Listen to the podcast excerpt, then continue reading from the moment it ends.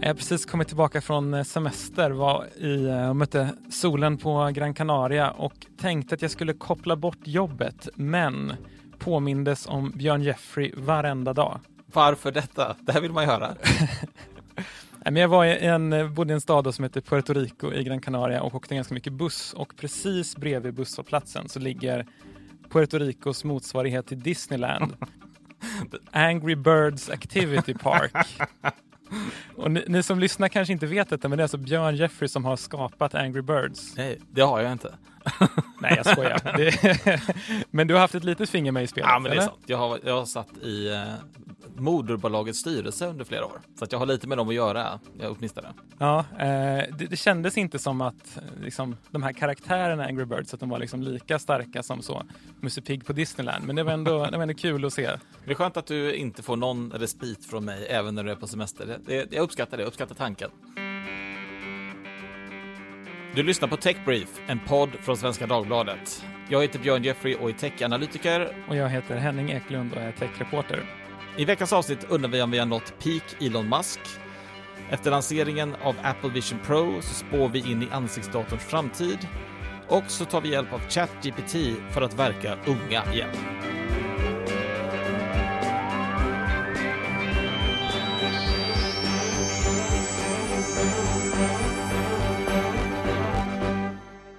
Hittills i år har man pratat mycket om The Magnificent Seven, de sju aktierna som kan man säga, har räddat börsen nästan den, den, senaste tiden. Men en av de här sju är inte lika magnificent som de andra sex. Det är ju Tesla. Har du, har du koll på Teslas börsutveckling? Eh, ja, men den är inte lika bra som några av de andra, typ Nvidia och Meta har ju gått liksom som tåget på, på börsen i år. Men Tesla är inte lika muntert alltså. Inte ens i närheten faktiskt, för Nvidia har gått upp 44 procent när vi spelar in det här. Eh, de ska ju precis rapportera resultat, får vi se om det blir ännu mer. Men Tesla är faktiskt ner hela 22 procent. Jag tyckte att vi den här gången kanske ska prata jättemycket om Tesla specifikt, prata lite mer om mannen bakom Tesla, nämligen Elon Musk.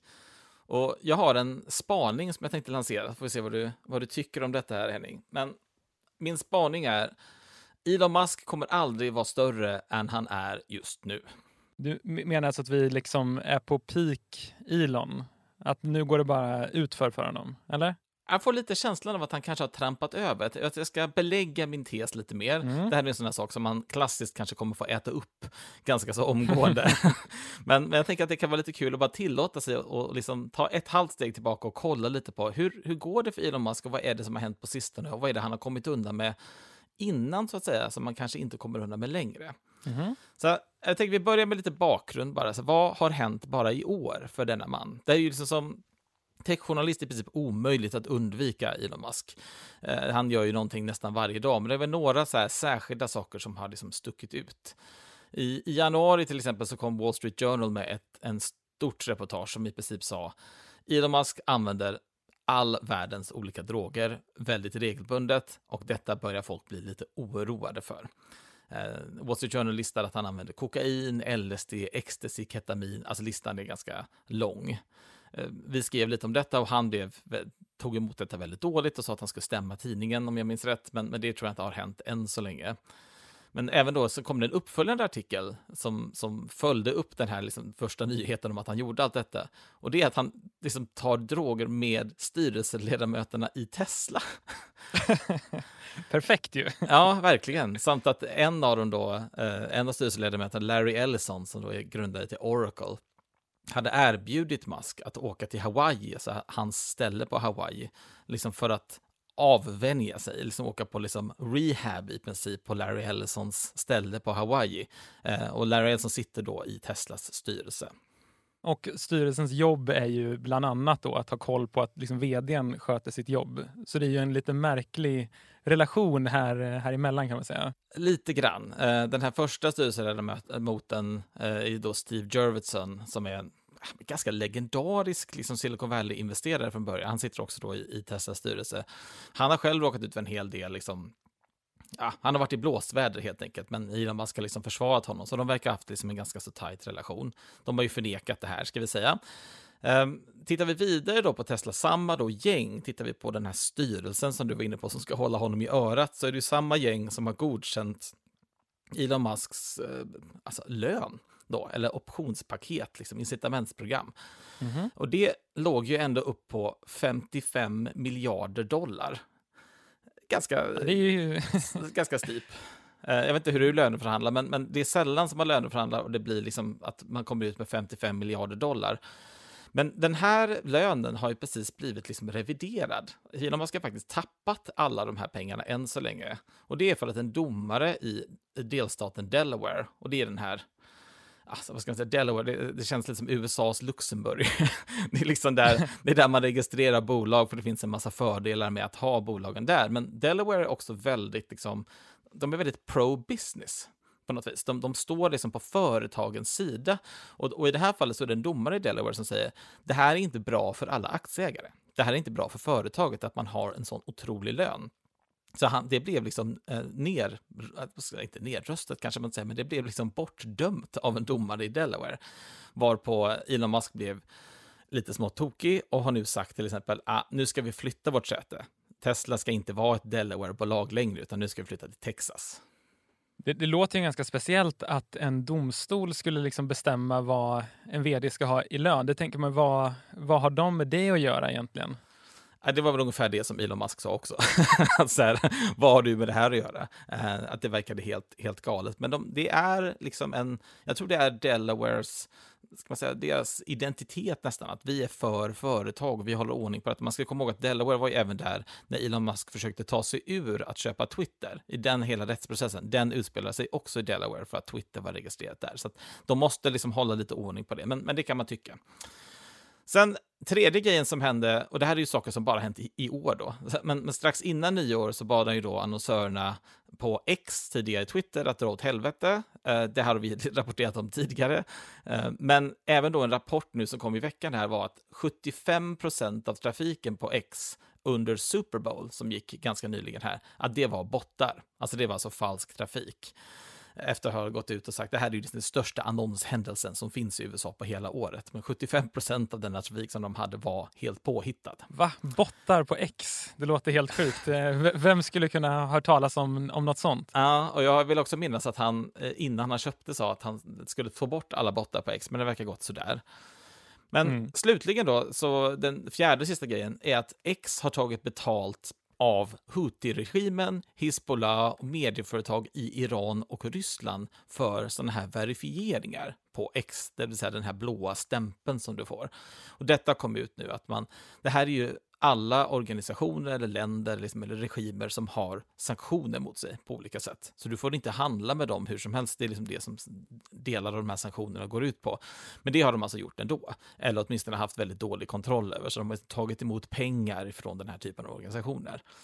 Och det här är liksom ett litet urval, de här fyra, av så här, hur har det sett ut hittills i år? Så får man ju känna så här, nu börjar vi liksom tassa in på marker som blir lite komplicerade. Och framförallt den här mm. sista, där man liksom börjar liksom ta betalt från organisationer med sanktioner mot sig, tror jag kanske kommer få alltså sättet som USA och hela deras regering och myndigheterna tänker på honom. Jag tror att det kanske kan komma att ändra sig lite här.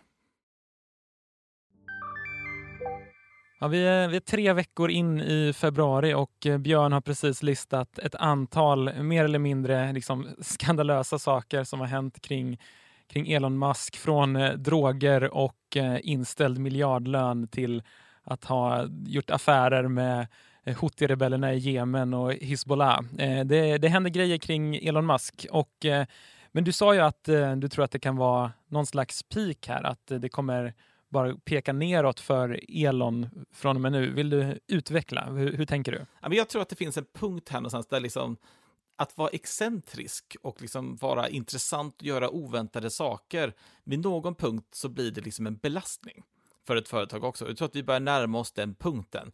Jag tror att Tesla i sig kommer liksom då inte att göra någonting åt det, för Teslas styrelse verkar ha ganska dålig kontroll. Hans egen bror sitter i Teslas styrelse.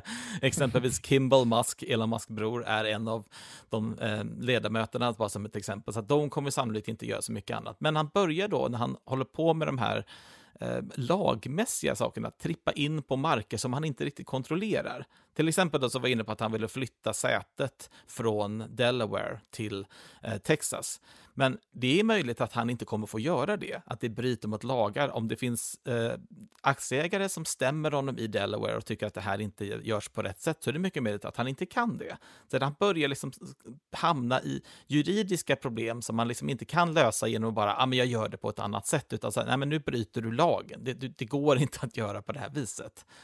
Så det, det andra jag tänker på är SpaceX, då, hans rymdföretag, om vi ska Eh, kalla det det, lite, lite något förenklat. Det är väl en storslagen bedrift, men låt oss kalla det för ett rymdföretag. Eh, de fick precis ett nytt avtal med den amerikanska militären i veckan eh, och innan dess har de haft ett, ett superavtal som har varit värt ungefär 18 miljarder kronor. Ehm, men sen så har du då SpaceX gör ju bland annat den här liksom internet Eh, tjänsten Starlink. Och den har ju liksom varit ganska, varit i luften, liksom, hetluften med både så här, Ryssland, Ukraina, Israel, Hamas. Liksom. Han är inne och liksom petar på ganska många sådana här saker. Och politik och juridik är ju liksom någonting annat än ren teknik. Teknik har ju uppenbarligen varit väldigt bra på och liksom uppenbarligen hittat vägar framme. Men just juridik och politik är ju lite mer känsligt. Och när du har ett företag som SpaceX som är så otroligt beroende av den här typen av kontrakt. Eh, och man kan, eh, skulle också kunna säga att Tesla har varit väldigt beroende av liksom, ska säga, elbilsubventioner och saker och ting historiskt också. Eh, så är det lite känsligare att kliva in på de här markerna där man kanske egentligen inte hör hemma. Han är ju mer än bara en entreprenör, utan han blir liksom en, en samhällsaktör på något vis. Exempelvis så är då Wall Street Journal-artikeln är ju inne på att, att eh, du får ju liksom ta droger i, vissa typer av droger får du ta i vissa delar av USA, det är lagligt. Ehm, men du får antagligen, de skriver att du får antagligen inte ta droger och du bryter antagligen federal policy om du är en leverantör till en statlig myndighet. Uh, och det skulle i så fall innebära liksom att om, om SpaceX ville ha, hålla kvar sin position som liksom leverantör till staten, då kanske Elon Musk faktiskt blir, ja men det kanske blir en, en, en svårare person att ha omkring sig. Hur, hur låter detta? Ja, men jag vet inte, jag, jag känner mig inte helt övertygad bara av den anledningen att Elon har ju hållit på mer eller mindre så här ganska länge. Alltså han har ju omgärdats av kontroverser hur länge som helst, gjort massa liksom politiska uttalanden som är rätt extrema och ja, men, vi har pratat om det i podden också. Liksom. Han, han har hållit på ganska länge och fått hållas ganska mycket. Varför skulle han liksom inte få hållas nu? Ja, det är väl det man undrar såklart. Han har ju onekligen ska man säga, kommit undan med ganska många saker hittills. Men jag undrar om inte Tesla och SpaceX börjar bli så pass etablerade och stora att de kanske nästan är större än vad Elon Musk är. Det vill säga, SpaceX kanske blev stort kan man tycka för att Elon Musk hade stora visioner, det är möjligt. Men frågan är om inte SpaceX är större än vad han själv är nu. Eh, skulle liksom, är det sannolikt att tro att SpaceX skulle gå under om Elon Musk inte jobbade med det? Det tror jag inte. Jag tror att de, de, de har liksom en enorm fördel med liksom hela sin, sin setup och kanske inte behöver Musk på samma sätt. Han sitter väl och kodar på Twitter huvudkontor snarare, eller X, förlåt. Ja, precis. Och han, och han har ju mycket annat. Han jobbar väl inte så mycket med SpaceX. Exakt, han gör inte så mycket annat att göra ändå. Pysslar med många olika bolag och så vidare. Hur mycket av hans energi går till SpaceX och hur mycket av den kanske negativa publiciteten som han får drabbar istället SpaceX. Så det är det där balansen som jag tror att det kanske kommer slå över.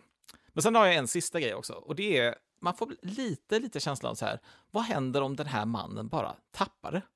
Liksom, om, liksom, lite grann, mm. om, om någonting bara händer, och det har man ju känt vid vissa tillfällen att så här, det här verkar underligt, men han har ju så otroligt stora företag, viktiga företag för hela liksom, samhällsekonomin också, som är ganska beroende av honom. Vad händer om han liksom tappar det lite grann? Jag hade ett exempel på detta som jag tittade på häromdagen, och då, då hade han twittrat då att eh, någonting i stil med att nästan alla illegala invandrare i USA är demokrater. Och så menar han på att demokraterna släpper in de här invandrarna för att de då ska få sina röster.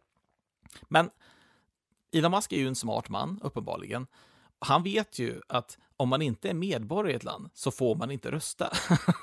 så det här, det här faller på sin egen mm. orimlighet och detta vet han ju rimligtvis. Så varför, varför säger han då detta? Varför gör han, det här i USA brukar man kalla det för en dog whistle.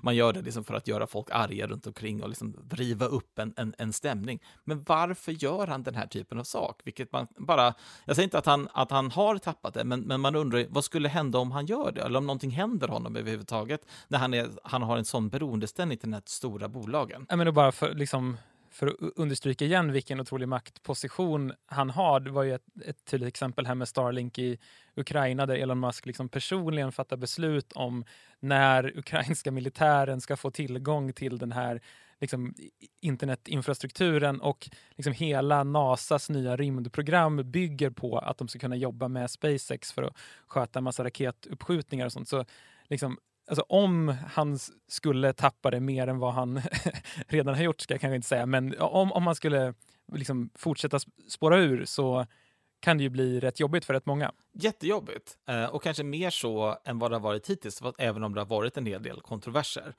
Så att jag måste ställa mig frågan så här, om jag hade varit chef på SpaceX, eller om jag varit en stor aktieägare i SpaceX, och jag hade möte med NASA kring alla de här sakerna som du var inne på Henning, med så här, det här är stora viktiga grejer, USAs rymdprogram. Är det så att jag måste ha Elon Musk omkring mig? Eller är den här typen av beteende börjat bli lite av en belastning? Vad händer om jag flyttar på Elon Musk och behåller SpaceX? Kan jag fortsätta köra? Jag tror att de kan det.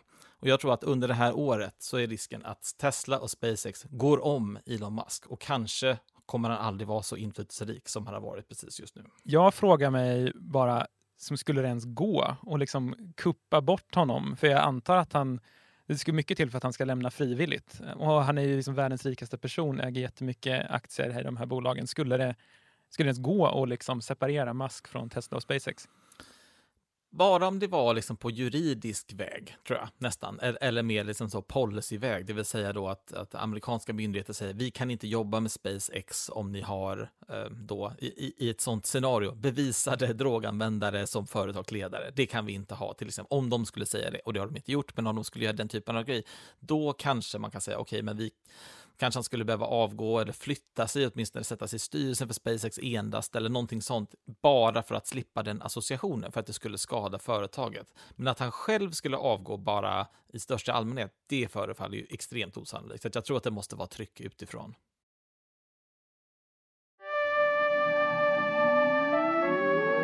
Techbreeze presenterar veckans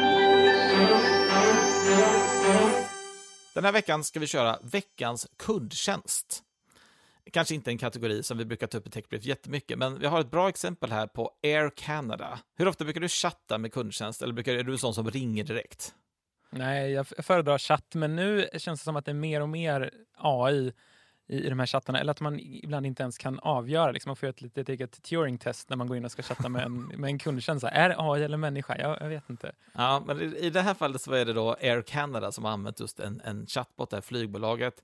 Och då var det en person som chattade då och frågade om det som kallas för bereavement policy. Det är egentligen så här, man ska åka på begravning och då, kanske man, då får man ibland en billigare flygbiljett med vissa flygbolag eller man får en annan typ av biljett för att man ska åka, ja, åka på en begravning. Så frågade den här personen Air Canada chatbot om sin policy kring detta och så svarade eh, liksom botten på ett visst sätt. Men det bara, det var helt fel. det stämde inte alls. Det hade ingenting med den här policyn att göra alls, utan den svarade liksom helt på eget bevåg.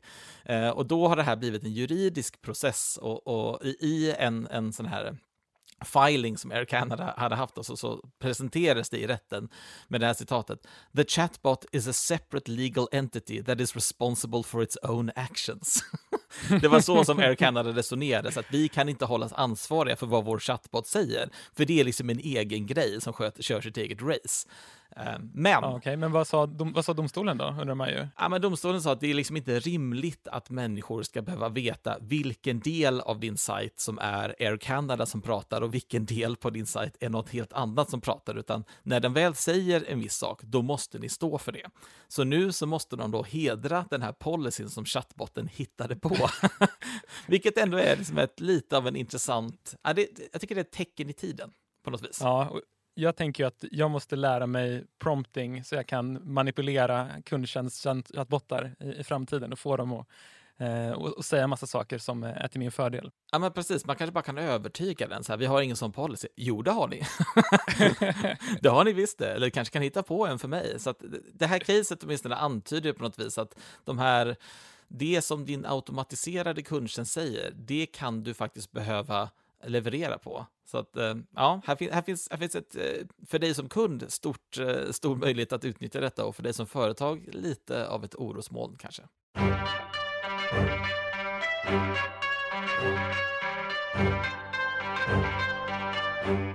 Ja, det har varit rätt många månader av stor, stor hype kring Apple Vision Pro. Den här eh, skidglasögonliknande datorn, eh, bara, bara ett sånt uttryck, eh, som folk eh, ska gå runt med. Eh, jag tänkte vi ska lyssna på det bästa exemplet jag har hittat som visar på vad det här är för någonting. This is amazing. But the absolute best thing, so I see the timer here, and now I can move it over the pasta. And now I have a second timer for six minutes that I'm putting over the mushrooms. This is just the coolest. Ja, det här är alltså en person som har på sig de här skidglasögonen medan hon lagar mat och det här eh, AR, som det kallas då, augmented reality, eh, verkligheten som hon ser så kan hon dra runt olika eh, liksom fönster i verkligheten då, eller ser ut som verkligheten. Så hon drar då alltså en timer och sätter över pastan, en annan timer över eh, lök och svamp som är stekpanna och sen så har hon liksom en annan fönster med eh, receptet uppe på, på väggen. Lite coolt. Lite coolt, men är det inte också typiskt på något vis att all ny teknik slutar med att man använder det till timers? Jag tänker på alla de här smarta högtalarna som skulle göra alla de här otroliga sakerna. Liksom det, det mesta jag använder mina till nu efter många år är ju så här, set a timer. och även detta, liksom 35 000 kronors ansiktsdator, det första användningsområdet. Vi kan ha två timers samtidigt. Det är fantastiskt. Ja, men, men vet du vad Björn? Hon sa också i den här videon, när hon hackar lök, perfekt. Inget liksom in i ögonen. för då har de skitglasögonen på dig. Ehm, um, I men det, det, för, er, för er som har inte hängt med lika mycket, då, så Apple Vision Pro det har de ju själva lyft fram som en av sina största lanseringar någonsin. Och det är ju faktiskt liksom det första större släppet av en ny produkt sedan Apple Watch 2015.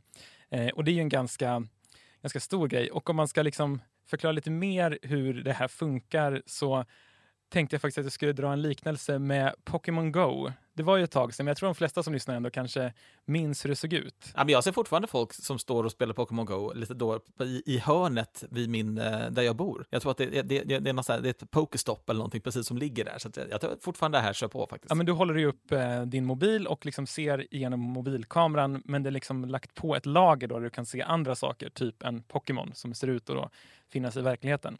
Eh, och så är det ju med den här Vision Pro då, att du kan liksom ha en massa olika eh, fönster till exempel, så kan du liksom ha en stor tv-skärm på väggen och sen en, ett anteckningsblock på väggen bredvid eller något sånt.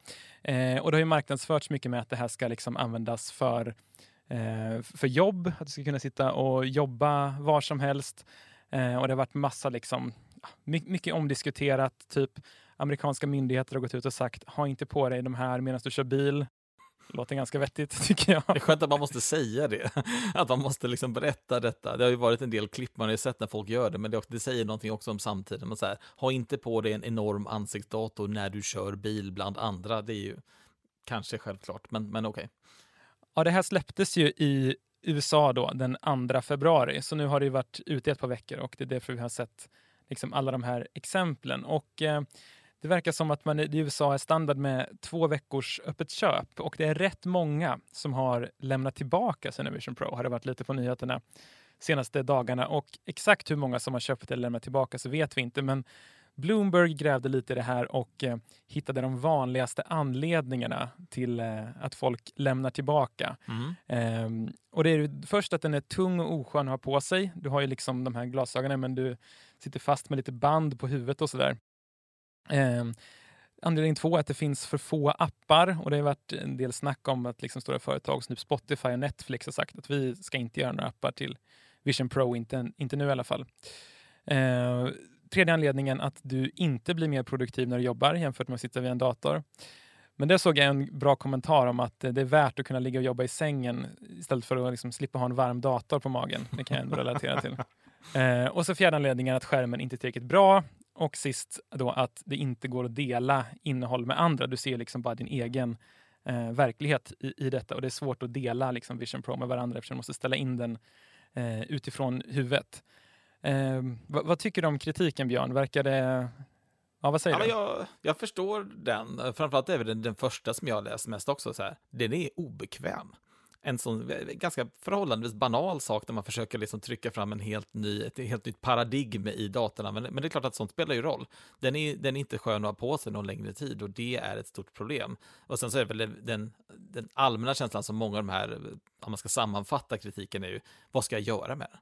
Den mm. är väldigt cool, men vad ska jag göra med den egentligen? Det finns liksom inte så mycket där. Eh, det är ju inte helt ovanligt i, i nya teknikskiften att det är så, men icke desto mindre, den är kanske lite för dyr för genomsnittsanvändaren för att bara ha den för att det är en cool grej, så att säga. Man kanske måste ha lite fler skäl till att rättfärdiga ett köp för, ja, runda slänga 35 000 kronor. Ja, exakt. Eh, prislappen har ju varit, eh, har ju varit eh, rätt omdiskuterad och eh, Förra veckan så pratade ni i podden om Silicon Valleys bästa självförtroende när en viss Mark Zuckerberg recenserade de här eh, Vision Pro och sa då att eh, trumvirvel, hans egen produkt var bättre.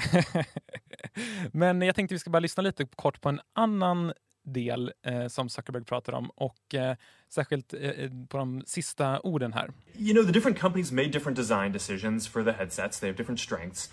But overall, Quest is better for the vast majority of things that people use mixed reality for. Ja, jag ska säga bara mixed reality, det är liksom samlingsbegreppet för VR och AR, alltså de här olika teknikerna. Eh, men nyckeln där, alltså, han tycker att Oculus är bättre för det som folk använder mixed reality för idag. Det, så, så, kan det säkert vara. Jag, jag har inte testat eh, båda de här, så jag, jag, kan inte avgöra det. Men det, det, det, det är ändå talande att liksom, han har anpassat sin produkt för vad folk använder det här till idag. Och det som varit mycket mm. snack om VR hittills har varit spel framför allt. En del liksom film och underhållning och han har ju någon lite vag dröm om metaverse också. Men eh, det Apple har gjort snarare, och det som jag liksom insett när jag gjort lite mer research om det här, är att det är ju inte liksom, jag tror inte man ska tänka på det som ett VR-headset för liksom spel och underhållning, utan det här är snarare en liksom, plattform där du kan prata med en dator på ett helt nytt sätt. Och de kallar det själva för en spatial computer snarare än liksom mm. ett VR-headset. Och eh, jag tror ändå att det, det ligger någonting i det. Ja, jag tror också det. Eh, och de är också, man får komma ihåg att tidiga versioner av nästan all deras teknik, alltså första iPhone hade liksom ingen, hade inga appar, ingen App Store, iPoden var ganska Eh, cool, men var ju liksom, om du jämför med hur iPoden blev bara några år senare så är den ju väldigt stor och klumpig jämförelsevis. Apple Watch kunde i princip inte göra någonting i första versionen och nu har du liksom saker som mäter din hjärtfrekvens och alla möjliga olika saker, din puls, massa olika grejer. Så att det går ju ganska så fort, men det är också väldigt stor skillnad. så Man glömmer bort liksom hur långt de har kommit från den första versionen till den sista iterationen, eller den senaste iterationen som vi har nu också. Det här är ju version 1 1.0 på något vis. Bra att du kom in på det Björn, för jag har faktiskt förberett ett klipp där vi ska lyssna på Steve Ballmer, dåvarande vd på Microsoft, som jag nästan hade glömt att han ens existerade, som eh, får frågan om vad han tycker om iPhonen precis efter lansering då 2007. $500 fully subsidized with a plan? I said, that is the most expensive phone in the world. And it doesn't appeal to business customers because it doesn't have a keyboard, which makes it not a very good email machine.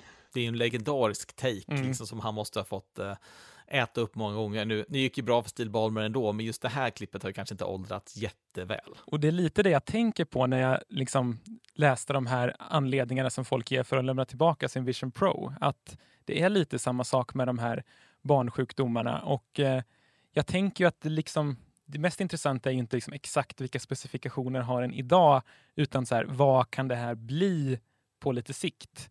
Eh, och det vet jag att du hade en eh, tanke, Björn. Men jag har en, en, det här är ju en ren gissning, en ren spekulation, men jag tror att det kommer gå åt två olika håll. Jag tror dels jag tror ett stort problem med den nuvarande iterationen är så dels att den är då stor och tung, men också att man ser rätt knäpp ut när man har den på sig. Eh, och det är ett mm. problem för folk. Folk vill inte sätta på sig den här för att man ser så konstig ut. Eh, och jag minns när jag var på Cisco för många, många år sedan, det här är liksom tidigt 2000-tal, då hade de liksom en teknik som kallas för telepresence, som i princip liksom nästan mm. skapar som ett hologram. Eh, av, så att om vi har möte med dig så skulle du liksom, det skulle se ut som du fanns i rummet. Och det, de har ju liksom en startpunkt, Apple Vision Pro har ju startpunkter för den här typen av teknik. Så att när jag ser dig när du har Apple Vision Pro i den här världen, då har du inget headset på dig. Eh, så jag tror att egentligen, så tror jag att för affärscaset kommer vara typ Zoom och Google Hangouts. Alltså bättre möten. För då kommer du ja. inte se att du har den här på dig överhuvudtaget och det kan, kan bli en väldigt mycket bättre känsla. Så just mötesgrejen tror jag egentligen, ja, men jag var Zoom hade jag kanske varit lite oroad, för det, jag tror att det är vanliga videokonferenser som kanske är den som kommer trycka dit först. Så det är liksom det ena spåret, det mer liksom affärsmässiga spåret. Sen tror jag att det kanske finns ett annat som är mer likt Eh, alltså Metas Ray-Ban-glasögon, vet, en, en, glasögon som har lite små funktioner, som inte har liksom fulla, det är inte så att du går runt liksom på gatan i metaverse, men du har lite små funktioner som kan hjälpa med, med mindre saker, en mycket, mycket lättare, eh, du, du, kanske inte ens ser att du har dem på dig, utan det ser ut som vanliga glasögon. Alltså, och, och de, det kommer vara liksom light, light, light-versionen av detta, men jag tror att de kanske kommer gå åt olika håll. Möten och liksom kamera och liksom ett litet lätt lager. Någonting sånt tror jag, om, om man tänker sig på en ja, femårshorisont framåt kanske. Och glöm inte timers, viktigt. Be, exakt, de, de, de, blir vi aldrig av med i, i, i med ny teknik. Uh, ja, nej, men jag, jag kanske är lite påverkad av min morgonpendling på Stockholms tunnelbana. Men jag skulle inte bli så överraskad om en ganska stor andel av pendlarna på tunnelbanan på morgonen sitter med sådana här på sig om tio år. Kanske inte just Apples produkt, det vet jag inte, men liksom den här tekniken. Jag är inte riktigt tillräckligt gammal för att minnas liksom morgonpendling utan mobiltelefoner, men jag minns det när folk inte hade hörlurar på sig. Att eh, det var möjligen någon som satt med så stora liksom, hörlurar som satt liksom utanpå mm. öronen. Men det normala var liksom att man satt och kollade ner sin telefon men hade inget, inget ljud. Um, och sen kom trådlösa in-ear-lurar och nu sitter 90% av morgonpendlarna på min T-bana och liksom är helt inne i, i det och eh, ja, har ingen aning om vad som händer runt sig. Um, och om man ska liksom se på den utvecklingen och tänka att det skulle kunna ske något liknande med liksom liknande teknik som det här så jag tror att det kan eh, ha potentialen att eh, slå hyfsat stort bland allmänheten på typ en tioårshorisont. Så sätt en påminnelse i mobilen nu. Februari 2034 ska ni gå tillbaka och lyssna på det här avsnittet och se, eh, och se om vi hade rätt eller om det här var vårt Steve Ballmer iPhone-ögonblick. Ja, vi sätter en timer på tio år helt enkelt, så hoppas vi att den, den ringer så kollar vi om du hade rätt eller inte. Avslutningsvis vill vi bara passa på att påminna om att om ni är på Tech-arenan, där den stora konferensen den 22 och 23 februari, får ni gärna komma och kolla på de intervjuerna som Techbrief-gänget gör på scen och också bara fånga oss i vimlet. För eh, Henning, Erik och Sofia kommer vara där, bland annat. Jajamän, jag ska intervjua en Chief Futurist. Det är en bra, bra titel. Verkligen. Eh, men vi tänkte ju bjuda på lite annat tips också och eh, då kommer det ett här rakt inifrån min vardag och eh, ett lite oväntat användningsområde för ChatGPT. Jag är ju en typisk millennial tror jag och har ibland lite svårt att förstå Gen Z-personer i min omgivning. Jag vet inte om du känner igen det Björn? jo, så, så ett exempel här från, från jobbet då när var en kollega eh, typisk Gen Z, får jag väl kanske säga, som eh, pratade om sig själv som en boss bitch. Och så sa men du är väl ingen boss bitch? För jag tänkte att det var något negativt då. avslöja avslöjar hur, hur, dålig koll jag har där. Och sen så fick jag då förklarat att, nej men vadå, det här är ju, man vill ju vara en boss bitch. Um, och då så försökte jag googla mig fram lite till olika definitioner och det gick inte så bra.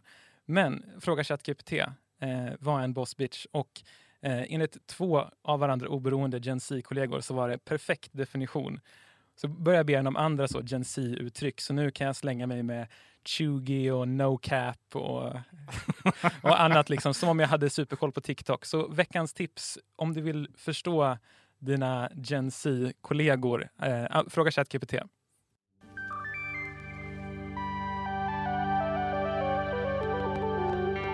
Du har lyssnat på Techbrief från Svenska Dagbladet. I studion denna vecka var jag, Björn Jeffrey och Henning Eklund. Vår producent heter Marcus Borei Haldin och redaktör Claes Lönegård. I vår redaktion ingår även Louise Andrén Meiton, Teresa Stenle von Matern, Erik Wisterberg, Sofia Sinclair och Daniel Persson Mora. Vår snygga musik gjordes av Stefan Storm och omslagsbilden av Liv Widell. Ljudklippen i podden kom från Wall Street Journal, Mark Zuckerbergs Instagram och Sander Duvestin på Youtube. Vår ansvariga utgivare heter Lisa Irenius. Missa inte vårt nyhetsbrev, Techbrief, samma namn som podden, kommer varje vardag helt gratis. Signa upp på svd.se signup. Vi hörs nästa vecka.